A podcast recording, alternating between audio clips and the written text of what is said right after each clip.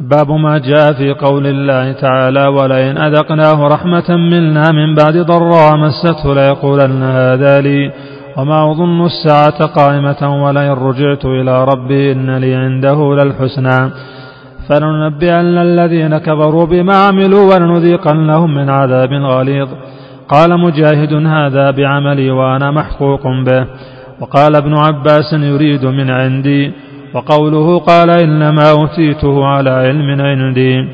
قال قتادة على علم مني بوجوه المكاسب وقال آخرون على علم من الله أني له أهل.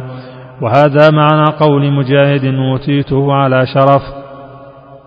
وعن أبي هريرة رضي الله عنه أنه سمع رسول الله صلى الله عليه وسلم يقول إن ثلاثة من بني إسرائيل أبرص وأقرع وأعمى فاراد الله أن يبتليهم فبعث إليهم ملكا فأتى الأبرص فقال أي شيء أحب إليك؟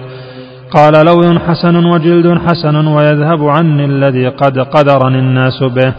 قال فمسحه فذهب عنه قدره.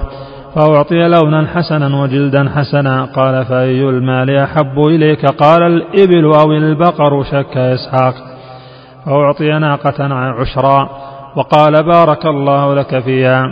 قال فأتى الأقرع فقال أي شيء أحب إليك قال شعر حسن ويذهب عني الذي قد قدرني الناس به فمسحه فذهب عنه وأعطي شعرا حسنا فقال أي المال أحب إليك قال البقر أو الإبل فأعطي بقرة حاملا قال بارك الله لك فيها قال فأتى الأعمى فقال أي شيء أحب إليك قال أن يرد الله إلي بصري فأبصر به الناس فمسحه فرد الله إليه بصره. قال فأي المال أحب إليك؟ قال الغنم فأعطي شاة والدا.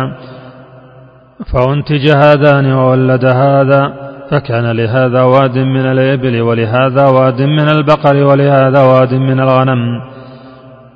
قال ثم إنه أتى الأبرص في صورته وهيئته فقال رجل مسكين قد انقطعت بي الحبال في سفري فلا بلغ لي اليوم إلا بالله ثم بك. أسألك بالذي أعطاك اللون الحسن والجلد الحسن والمال بعيرا أتبلغ به في سفري.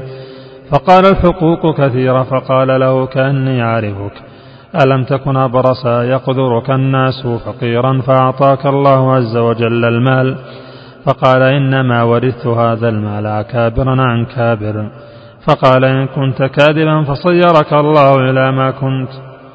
قال وأتى الأقرع في صورته فقال له مثل ما قال لهذا ورد عليه مثل ما رد عليه هذا.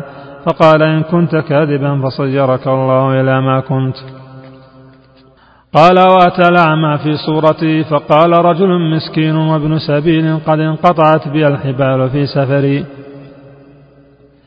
فلا بلاغ لي اليوم إلا بالله ثم بك أسألك بالذي رد عليك بصارك عشاة اتبلغ بها في سفري فقال قد كنت أعمى فرد الله إلي بصري فخذ ما شئت ودع ما شئت.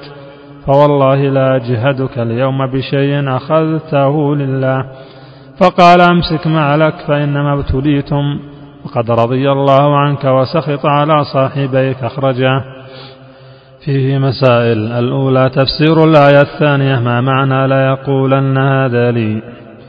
الثالثة ما معنى إنما أوتيته على علم عندي؟ الرابعة ما في هذه القصة العجيبة من العبر العظيمة؟